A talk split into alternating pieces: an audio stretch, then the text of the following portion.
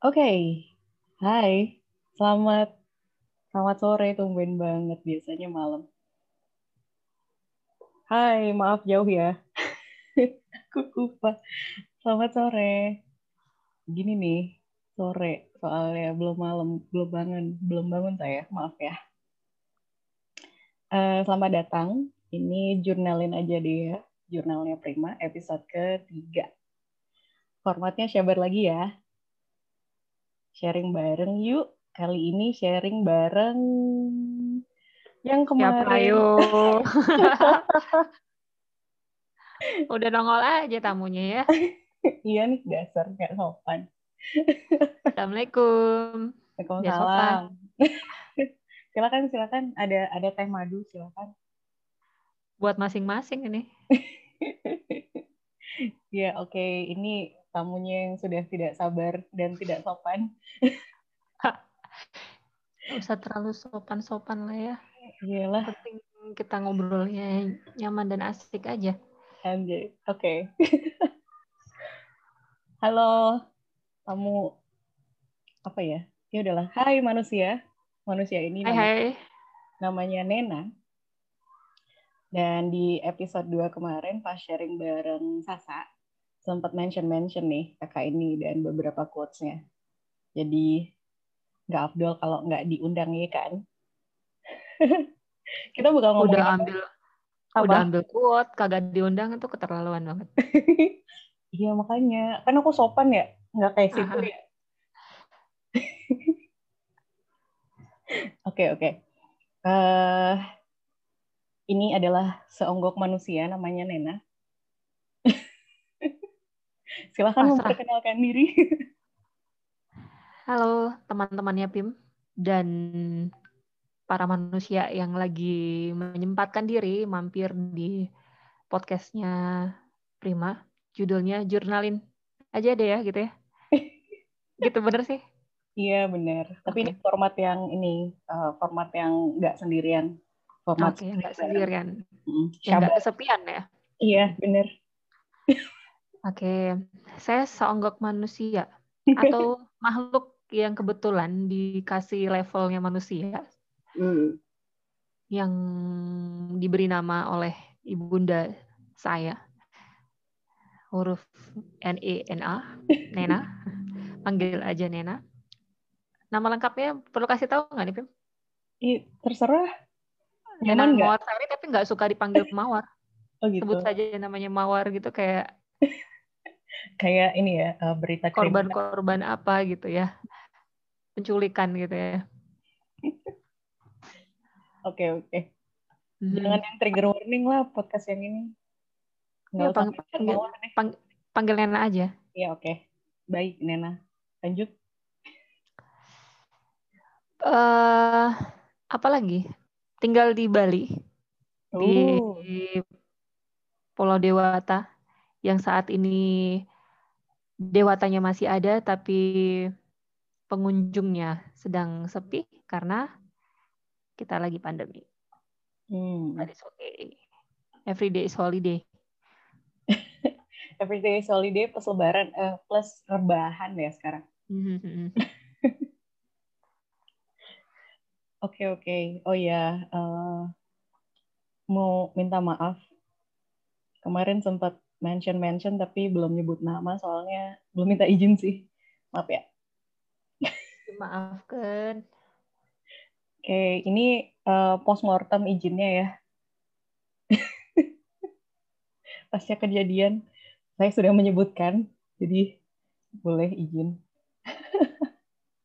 mention quotes-nya. Kemarin tuh mm-hmm. sempat mention beberapa. Iya, aku tahu. Aku dengar juga. Yeay. keren, keren, keren banget tuh obrolan keren banget sama Syasha. Yeay. Eh, uh, makasih. Tapi kalau misalnya yang kasih kemarin kan gue udah bilang ya, gue sok gaul banget. Aku udah bilang kalau belajar menerima uh, pujian. Tapi ini agak agak agak susah nih, soalnya levelnya adalah pujiannya diberikan oleh orang yang jauh lebih keren. Jadi agak gimana gitu loh rasanya. Saya manusia yang kebetulan keren berarti ya. Aduh, pusing. Hai Zuki, Zuki pengen masuk podcast. Hai Zuki. aku berteman baik loh sama Zuki ini. Oh ya? Wah, baru tahu aku. Bagaimana hubungan kalian, manusia dan ini, Dogi? Hmm, eh, tapi Dogi itu punya insting yang lebih dibandingkan manusia. Oh iya. Nanti kita bahas itu ya. Undang Zuki nanti tuh. Oke, baik. Itu podcast nanti ya. Sekarang yeah. kita bahas manusia dulu ya. Ya. oh iya, kemarin itu salah satu quotes-nya adalah uh -huh. yang ini loh, yang uh, soal harga diri hmm. Dan harga jiwa. Ya, aku suka deh konsepnya. Uh, salah satu temanku coba nyari itu dari sisi psikologi dan itu tuh termsnya bahas lumayan kompleks. Tapi suka cara uh, Nena menyederhanakannya. Jadi gimana gimana? Bolehkah pemilik quotesnya menyebutkannya sendiri? Iya. Um, kebetulan profesiku aku tidak menyebut apa tapi itu Pekerjaanku setiap hari adalah bertemu dengan manusia dengan berbagai macam karakter dan masalahnya.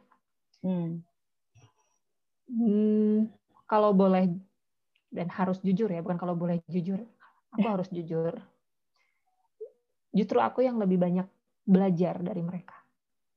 Hmm. Salah satu poin atau sumber dari banyaknya orang yang mengalami masalah mental gitu saat ini itu basicnya adalah takut diabaikan, hmm. takut nggak dihargain, hmm. mengupas makna dihargai berarti ada harga yang harus dibayar, harga yang harus diberikan orang lain. Hmm itu tuh bikin kayak minum tapi haus lagi, haus lagi, nggak ada habisnya. Enak ya. Puas kagak. Hmm. Itu basicnya adalah rasa takut. Takut dibilang jelek, takut nggak diterima, takut ditolak, hmm. takut dibandingkan. Bentuk ketakutan-ketakutan itulah yang bikin kita tuh jadi haus lagi, haus lagi, kurang-kurang aja bandingin. Sampai pada akhirnya kita berpikir dan kita capek dulu dan baru berpikir ini buat apa, ini sampai kapan. Baru deh cari seseorang yang profesional untuk menanyakan aku ini kenapa. Sampai dia lupa bahwa kita ini terdiri dari jiwa dan raga. Yang mana yang paling sering dikasih sesuatu yang indah dan hedon adalah raga. Hmm. Ada teman kemarin yang memberikan kompensasi terhadap sesuatu yang baru dialami dengan barang yang mahal. Aku ngakak sih. Kita sebut aja namanya inisialnya Prima ya. Sialan. Dia salah satu manusia yang unik sih untuk sayang aku sama dia gitu sebagai, sebagai manusia gitu kan. Makasih ya. Uh, dan ya itu akhirnya um, yang sering kita kasih hadiah yang sering kita kasih uh, apa namanya kompensasi itu adalah raga. Bentar aku kayak lobet aku perlu nyolokin ini dulu ya bentar. Oke okay, baik. Manusianya lupa ya teman-teman. Kita kita maklumi Oke, udah. Jadi uh, kita kasih baju yang bermerek, kita kasih parfum yang mahal, makanan yang enak. Itu semua buat raga, makeup, hmm. biar glowing, skincare biar glowing segala macam. Sampai pada akhirnya, hai makhluk yang namanya Nena, ragamu, badanmu udah expired.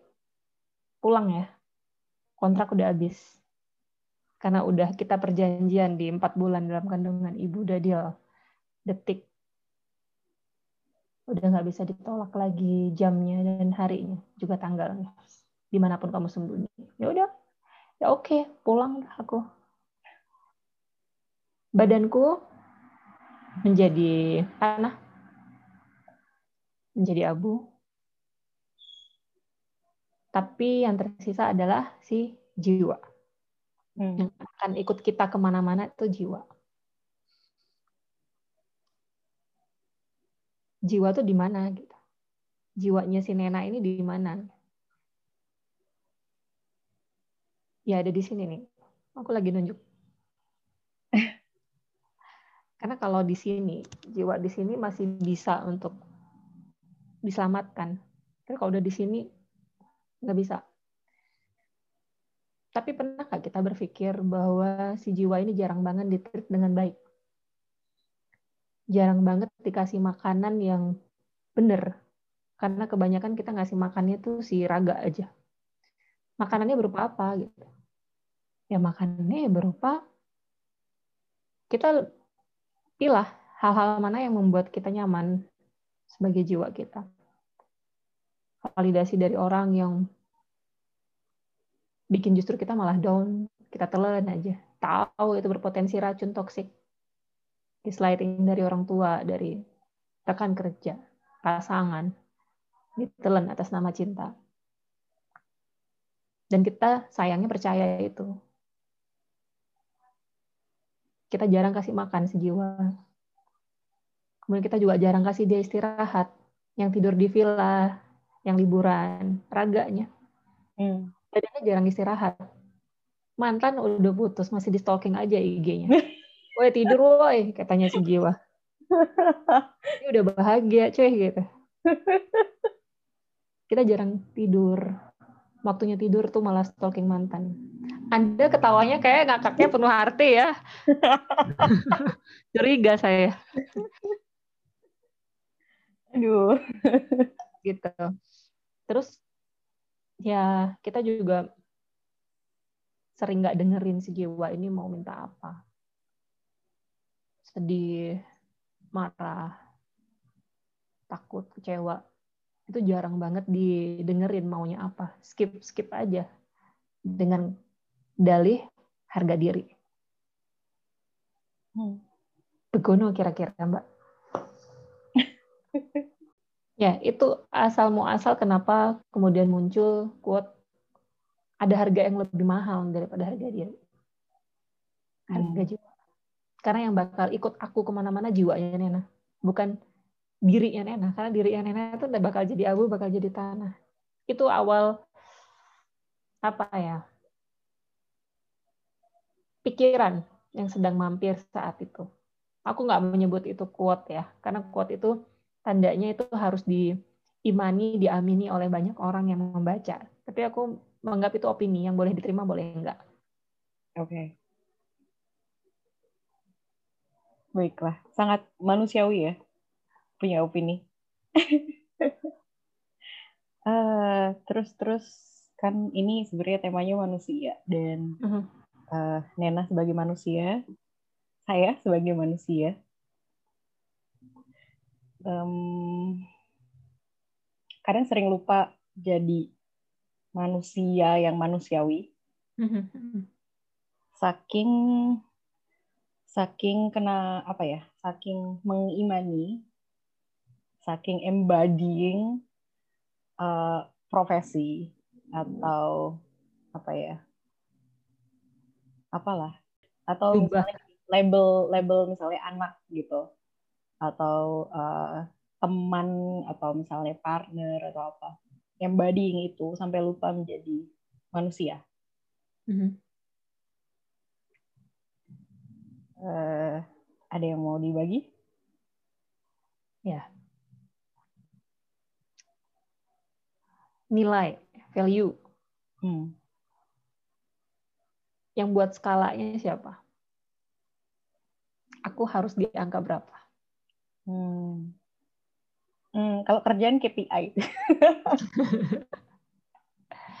ya manusia kan, manusia lain ya kan. Hmm. Hmm. Dan ketika angka itu nggak sesuai dengan yang kita mau, kita merasa gagal jadi manusia. Hmm. Kalau angka itu dibuat oleh ibu kita, ayah kita, sahabat kita, pasangan kita, maka kita akan merasa buruk, bukan anak yang baik, hmm. bukan adik yang baik, bukan kakak yang baik, bukan pasangan yang baik. Kita mulai melabeli bahwa kita orang yang buruk. Kita lupa bahwa menjadi manusia itu salah satu paketnya adalah selain dia benar dan menyenangkan, dia juga salah dan menjengkelkan. Makanya aku bangga banget ketika dibilang jengkelkan ya, deh. Nah, berarti aku masih manusia gitu. ya ampun, dia menjengkelkan dan bangga. Iya, dan bangga. Hal inilah yang kadang-kadang perlu diingatkan bahwa kita ini Jangan lupa jadi manusia. Ambil hakmu sebagai manusia buat marah. Ambil hakmu sebagai manusia untuk sedih. Ambil hakmu sebagai manusia untuk bahagia. Karena hidupmu nggak hanya melulu memenuhi target penilaian, skala penilaian yang dibuat oleh manusia lainnya, siapa pun dia. Oh, berarti ini mengizinkan kita untuk salah terus ya? Ya enggak manusia yang sebenar-benarnya manusia akan terus bertumbuh. Dia hmm. pasti bisa belajar dari bentuk kesalahan-kesalahan yang dia buat, bertumbuh dari luka, bertumbuh dari salah, bertumbuh dari perih atau apa pun yang tidak menyenangkan itu. Belajar menjadi manusia, belajar dari hidup sampai mati. Napas tim, napas tim. saya khawatir dengan podcast ini mengandung. Iya. Saya juga khawatir loh. Kurangan napas. Saya juga khawatir sekali. Ini rasanya kayak dibajak gitu loh satu episode ini tuh.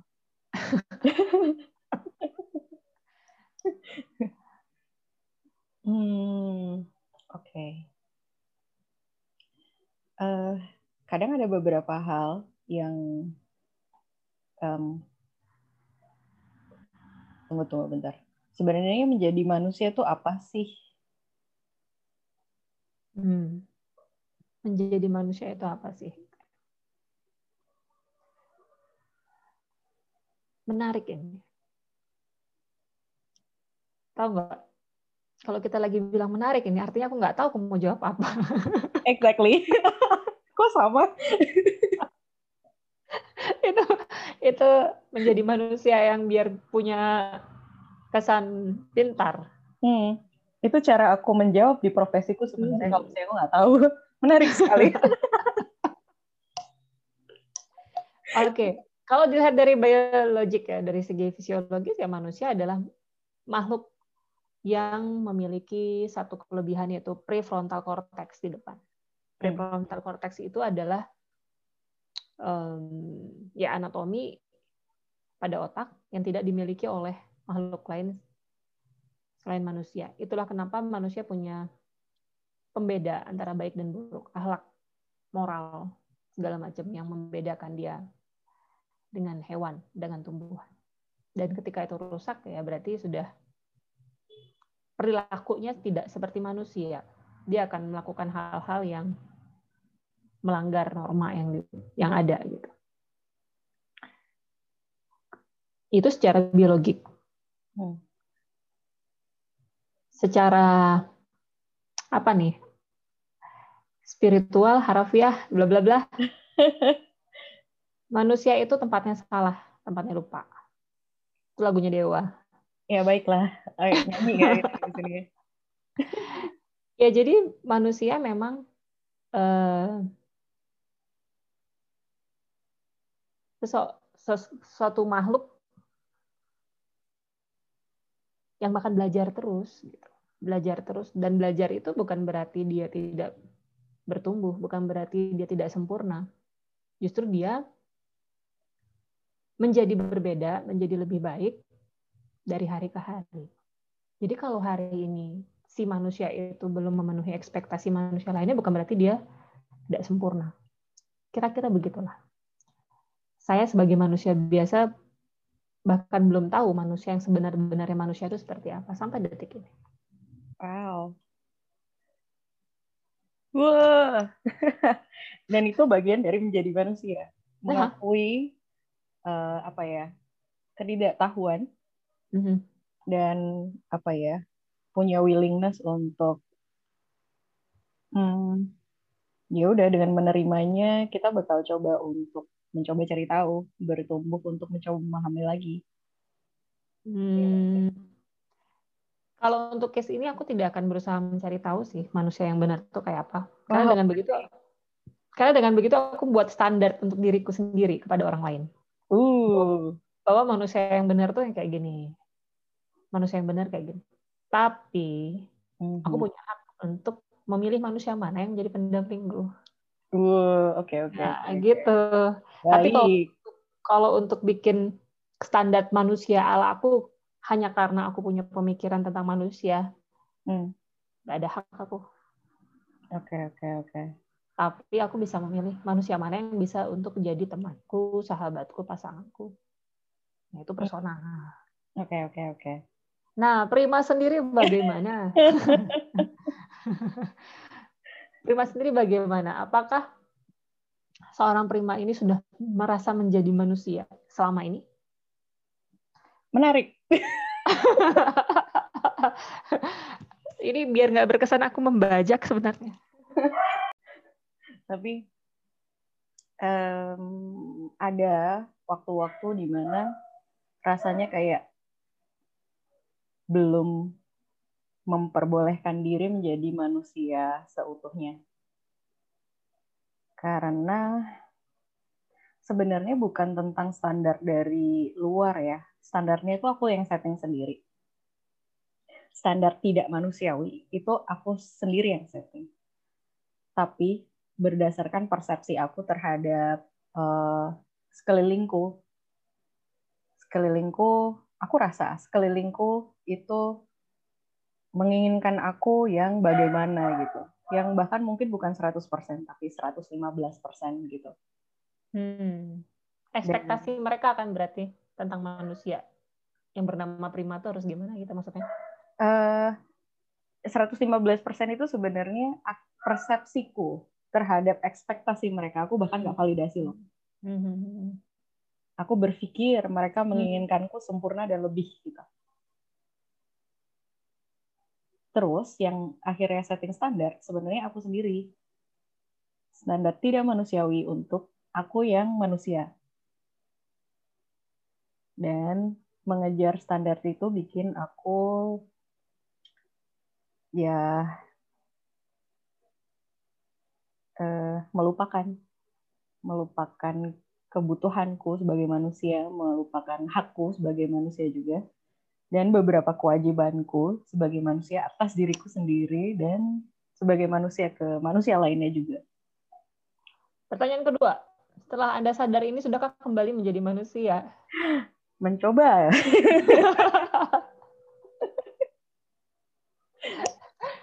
Oke, oke, oke. Lumayan kan? Lumayan. Ada analogi yang menarik nih. Apa?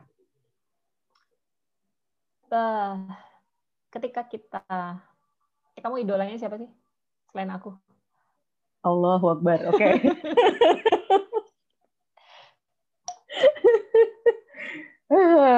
Tentang apa? Artis lah, artis. Aku bukan lah, bukan lah. Selebgram juga bukan. Remahan Rengginang aku. ah, ya, oke. Okay. Uh, aku bubuk Nutrisari sih. Siapa? Nutrisari jadi yang yang nempel-nempel di ya. ngefans sama rumahan Ginang lumayan lah. Siapa ya? Kok bingung ya kalau ya, penyanyi deh penyanyi gitu. Aku soalnya mau menganalogikan ini oke okay, oke. Okay. uh, uh ini legend dari zaman dahulu kala. Anggun C. Sasmi. Kelihatan umurnya nggak? Wah saya harus manggil kamu mbak nih. Aku masih dua empat ya Aku 27. Oke, okay. Anggun C. Sasmi. Aku ingat banget uh, kalau dia misalnya waktu bikin tour tour gitu ya, hmm. bikin tour. Padahal CD-nya dia tuh ada di salah satu outlet uh, fast food yang bisa dibeli, eh yeah, bisa didapetin gratis kalau kita beli paket gitu kan. Mm-hmm. Ada Spotify sekarang, ada uh, bisa download lagunya lah gitu. Tapi ketika dia konser sebelum pandemik ya, mm. orang berlomba-lomba cari tiketnya, mm-hmm. bela-belain, nabung, bahkan ketika dapatnya jaraknya mungkin 800 meter dari panggung, 100 meter dari panggung dia bela-belain yang mungkin si Anggun itu cuma kelihatan titiknya doang gitu. Maksudku bayangan dia gitu ya. Itu kenapa? Ayo jawab Mbak Prima. Sampai orang bela-belain memenuhi mungkin gelora Bung Karno gitu ya atau di mana gitu. Sebenarnya ya kayak aku jawabnya jawab kenapa itu sambil sharing ya. Aku pernah melakukannya. Waktu hmm. itu masih kuliah, anak kuliah ya, hmm. tahu ya nggak nggak banyak duit gitu kan. Hmm. Terus tahu si Anggun lagi mau konser hmm. di Surabaya. Waktu itu di mana ya namanya? Jatim Expo kalau nggak salah. Terus mahal kan ya tiket konsernya Anggun. uh, dibela-belain, pakai banget. Kayak nggak tahu gimana caranya mungkin gitu ada dapat uang buat tiket.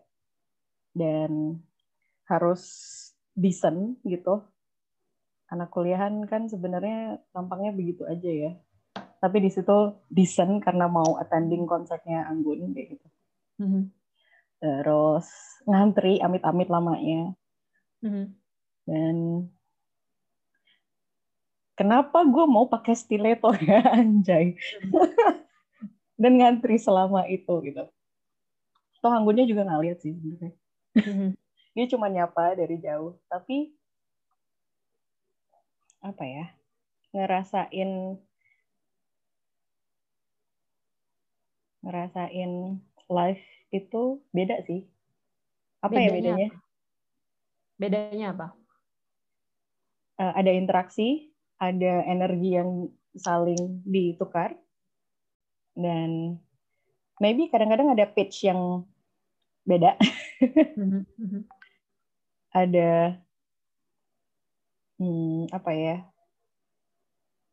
Bisa kadang-kadang mm-hmm. Kadang-kadang ada sedikit error but it's life mm-hmm. ya berarti vibrasi ya vibrasinya ya jadi auranya gitu kenapa kenapa ya errornya kenapa hmm? Hmm. Aku suka lihat tampangmu yang pusing ini. Kenapa? Iya iya iya. Emang nyebelin banget nih orangnya.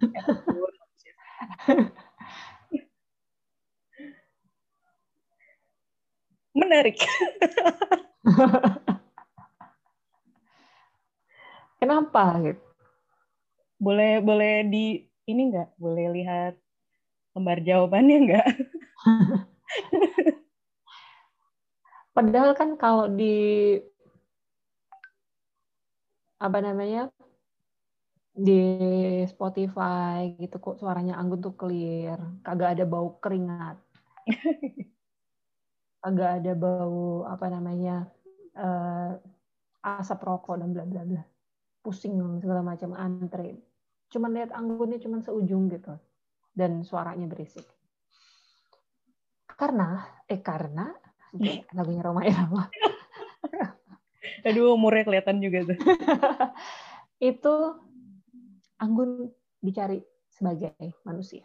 Bahkan ketika suaranya nggak nyampe, nggak sejernih rekaman, ketika dia take rekaman, hmm. itu orang puas banget tahu anggun salah atau tahu anggun nggak sempurna. Ya karena dia manusia.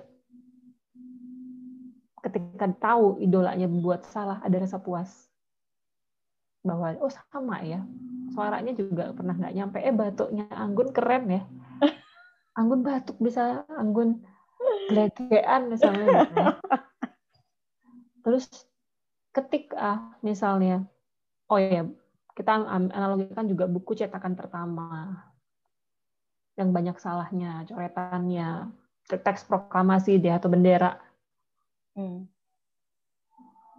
Sangsa kamera putih yang dijahit dengan seadanya. Sekarang tuh jadi barang yang punya nilai lebih, bahkan miliaran. Yang dicari deh sama orang. Justru yang dicari adalah ketika sesuatu itu bukan yang udah banyak revisinya, bukan yang udah banyak apa namanya perubahannya gitu. Justru ketika dia gak sempurna, dicari punya nilai yang lebih ya karena ada kesalahan di sana. Ada buku Ikigai dari Jepang. Ikigai. Yang Ikigai, Ikigai. Okay. Nah, salah. Keren kan aku kalau salah. itu uh, mengusung konsep bahwa salah itu indah. Benerin aku aku salah ya. itu dia menganalogikan ada keramik kan di Jepang itu kalau apa hiasan itu keramik gitu kan. Ketika retak bagi orang yang OCD itu nggak keren deh, tuh buang gitu karena nggak ada boleh salah letaknya segala macam. Hmm. Tapi bagi konsep itu malah justru diberikan hiasan emas untuk mengikuti retakan itu sehingga dia punya nilai yang lebih karena nggak punya lagi yang model kayak begitu.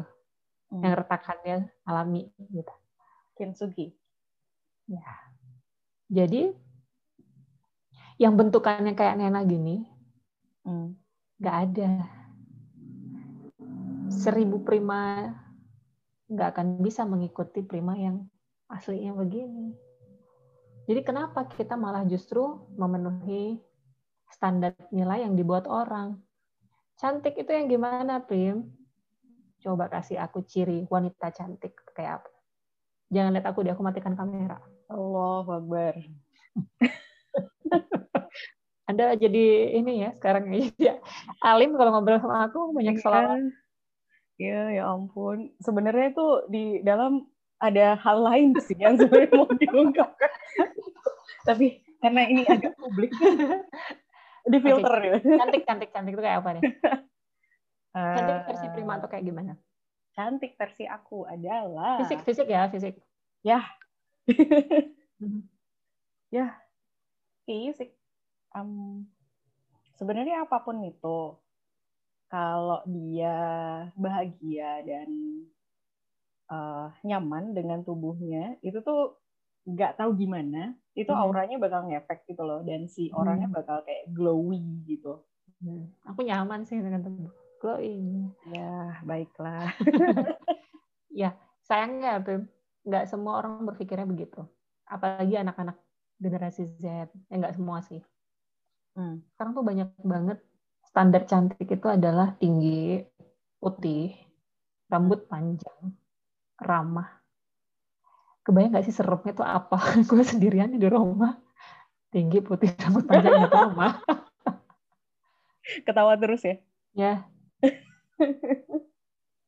Standar itu kan dibuat oleh misalnya produk kosmetik bahwa yang cantik itu selalu yang kulitnya putih, yang badannya tinggi, yang rambutnya panjang, lebat hidungnya mancung dan eh, apa ya ya ukuran bla bla bla bla semua proporsional. Itu standar yang dibuat oleh uh, apa namanya produk gitu. Korea punya misalnya atau apa gitu.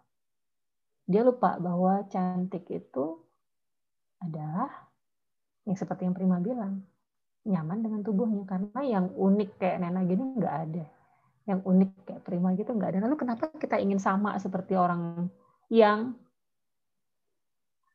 membuat standar cantik itu sama semua bahwa yang kulit putih tinggi, rambut panjang, mancung, bla bla bla itu adalah yang cantik.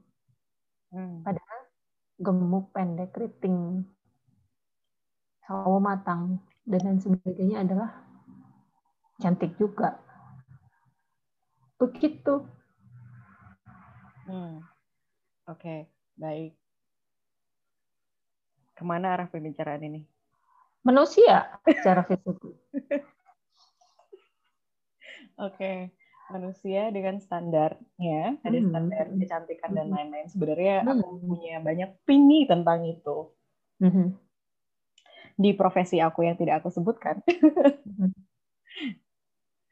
uh, dulu aku waktu masih kuliah itu sempat agak menyesal uh, memilih bidang profesiku karena merasa wow, ujung tombak komersialitas itu orang-orang kayak aku ya nanti kalau udah lulus mm-hmm. dengan kemampuan untuk mempersuasi secara visual, mm-hmm. dengan kemampuan untuk uh, apa ya framing dan uh, dengan kemampuan untuk uh, uh, apa ya menanamkan konsepsi. Mm-hmm. Uh, menanamkan konsepsi bahwa uh, yang bagus tuh yang gimana, yang baik itu kayak gimana. Jadi uh, kita bikin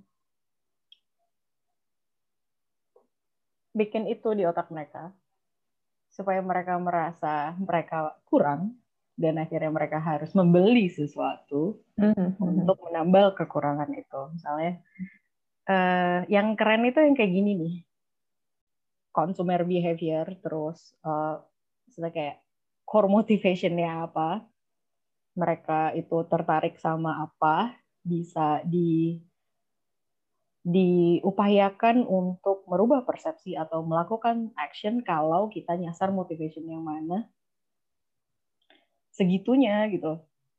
Dan ini tuh powerful banget.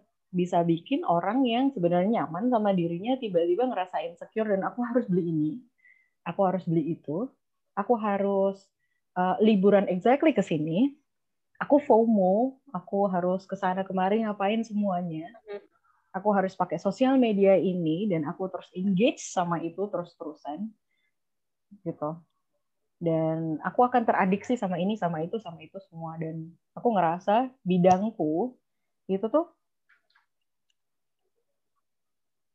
segitunya. Ujung tombak komersialitas. Dan aku merasa sangat buruk. Kenapa aku ada di sini? Padahal ini udah mau lulus. Udah mau skripsi.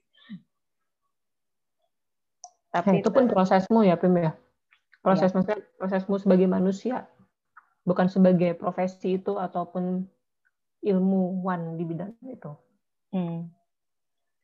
Kemudian uh, aku uh, ketemu beberapa orang kakak keren yang lain. Nah. Wah nggak terima aku, nggak terima.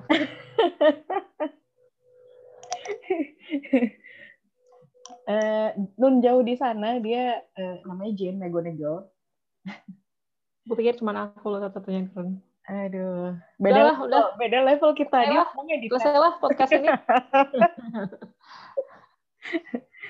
dia dia ini apa dia dia dia menggunakan itu semua knowledge yang sama tapi untuk ngarahin ke sesuatu yang sangat positif gitu dan bukan sesuatu yang komersial. Terus aku tercerahkan oh wow, anggap aja ini tuh sebuah hal yang powerful gitu. Anggap aja kamu punya basoka yang super powerful, damage-nya gede banget. Terserah kamu, kamu mau ngarahin ke mana gitu. Hmm. Dan ya akhirnya ya udah oke okay, wah oke okay, baiklah ini tuh sebenarnya bisa di digunakan gitu senjata yang super powerful ini bisa aku gunakan untuk sesuatu yang cost yang aku peduliin juga gitu misalnya. Makanya uh, aku masih tetap di bidang ini. Karena merasa ya ini memang sepowerful itu. Dan tergantung ngarahinnya ke mana gitu. Kalau aku hmm. sih secara personal bukan bilang itu salah ya, tapi aku nggak suka aja kalau arahnya yeah. ke komersialitas. Ya sebenarnya apa yang kita bahasnya juga relate ke kehidupan sehari-hari sih. Hmm. Maksudnya di bidang pekerjaan kita, di bidang hubungan interaksi dengan manusia lainnya. Kadang-kadang kita membuat kita jadi nggak ke mana-mana karena terjebak berlarut-larut ruwet rumit mm-hmm. -huh. dengan pemikiran pendapat orang lain yang sebenarnya itu di luar kontrol kita bukan sih? Hmm. Ya. Ya, hanya ingin mengingatkan itu, jangan lupa napas dan jangan menjadi manusia. Proseslah dirimu sendiri setelah ini gitu. Karena nggak ada kursusnya, nggak ada ilmu spesifiknya. Hmm. Perjalananmu menjadi manusia beda dengan perjalananku. Menarik sekali. Jadi nggak ada standarnya. Hmm. Dan andai kata setiap manusia menceritakan, membukukan kisahnya, wow ada banyak hal yang bakal bisa diceritain ke manusia lain ya tentang perjalanan dia dan tidak ada lagi yang bisa ngejudge kamu baik, aku buruk, aku buruk, kamu baik, dia buruk, dia baik semua punya perjalanannya. Startnya orang beda-beda. So, kenapa minta finish bareng-bareng?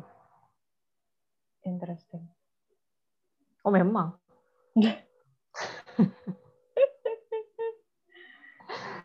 aduh, aduh, aduh. Ntar ya. Aku tuh ada satu quotes lagi dari kakak keren hmm. lainnya. Kecewa aku. uh, basically sama sih.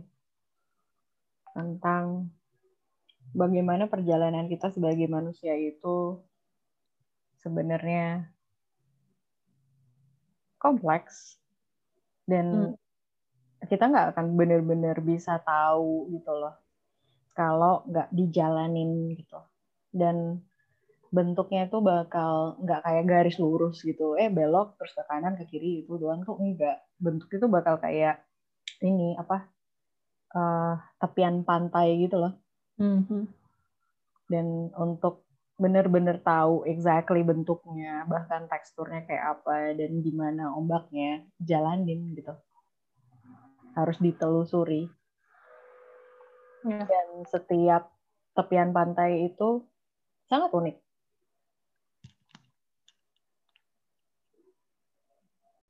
uh, sebagai manusia aku punya motivasi. Mm-hmm. Motivasinya yang disebut di depan tadi harga diri. Mm-hmm. Dan dulu tuh rasanya sebenarnya kalau kalau udah super lelah banget mm. atau kayak ah males lah sebenarnya ogah gitu.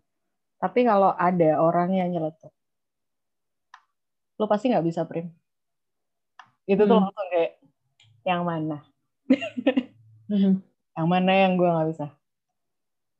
Oh itu, oke. Okay. Gue lakuin dua kali. Gue kasih depan muka lo. Gitu. Terus. Ingin membuktikan gitu ya? Iya. Membuktikan diri. Terus, terus, terus, dan terus.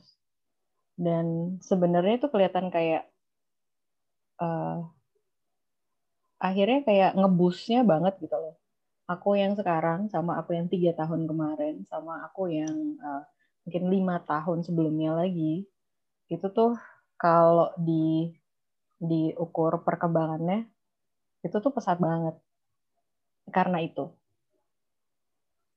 Karena kalau di diremehin malah dijabanin.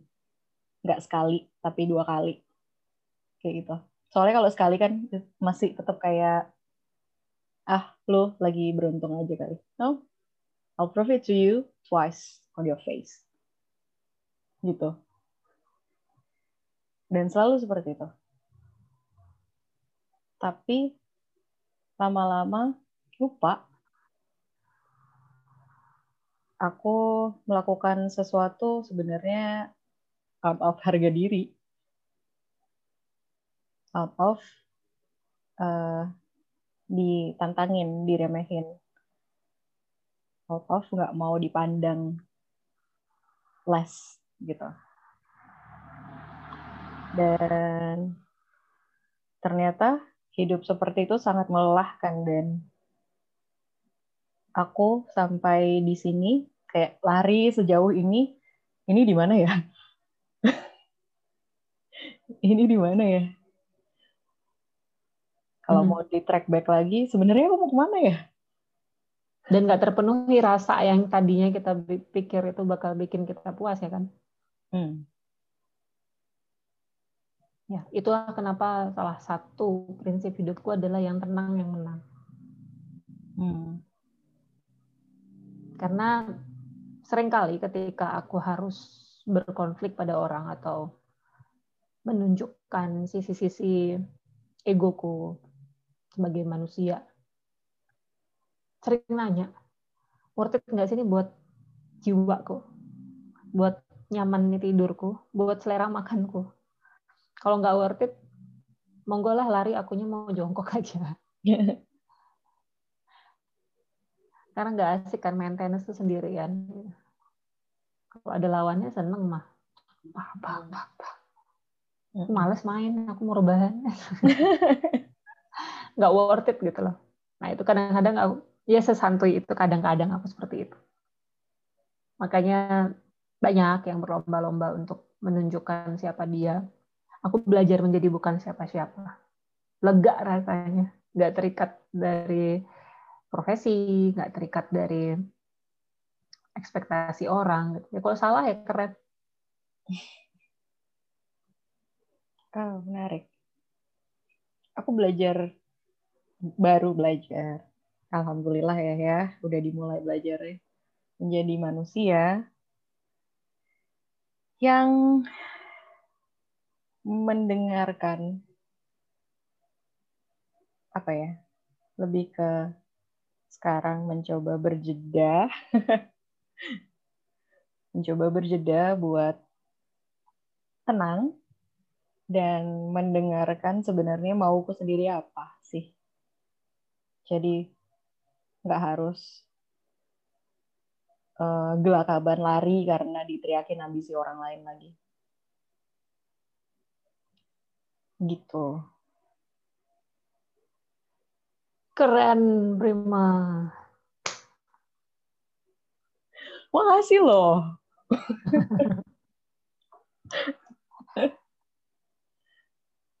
gitu.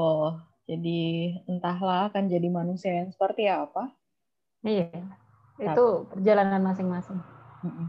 Tapi yang pasti mencoba untuk menjadi manusia yang uh, yang aku nyaman. Nah iyalah, aku nggak nyaman sama Prima, aku bisa blokir WA-nya kok. Ya baik. Kalau aku nggak, ya, aku nggak nyaman sama diri sendiri, mau gimana blokir diri sendiri? Iya ya. Oke, aku mau blokir dulu.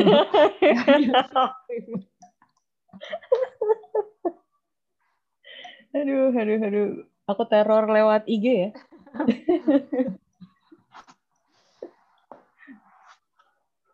Oke, okay. gitu karena sudah azan. Ya, dan sebagai sudah... manusia aku perlu mandi.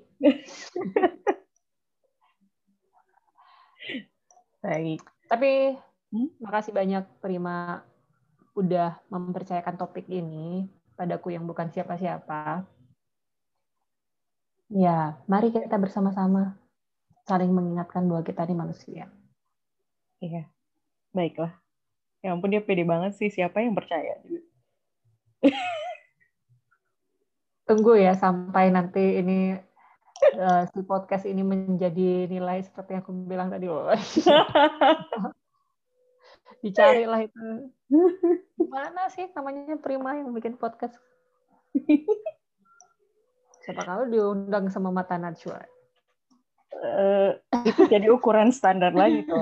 Iya makanya. Baiklah. Yap, sehat-sehat selalu Prim. Sehat-sehat juga sama jadi manusia.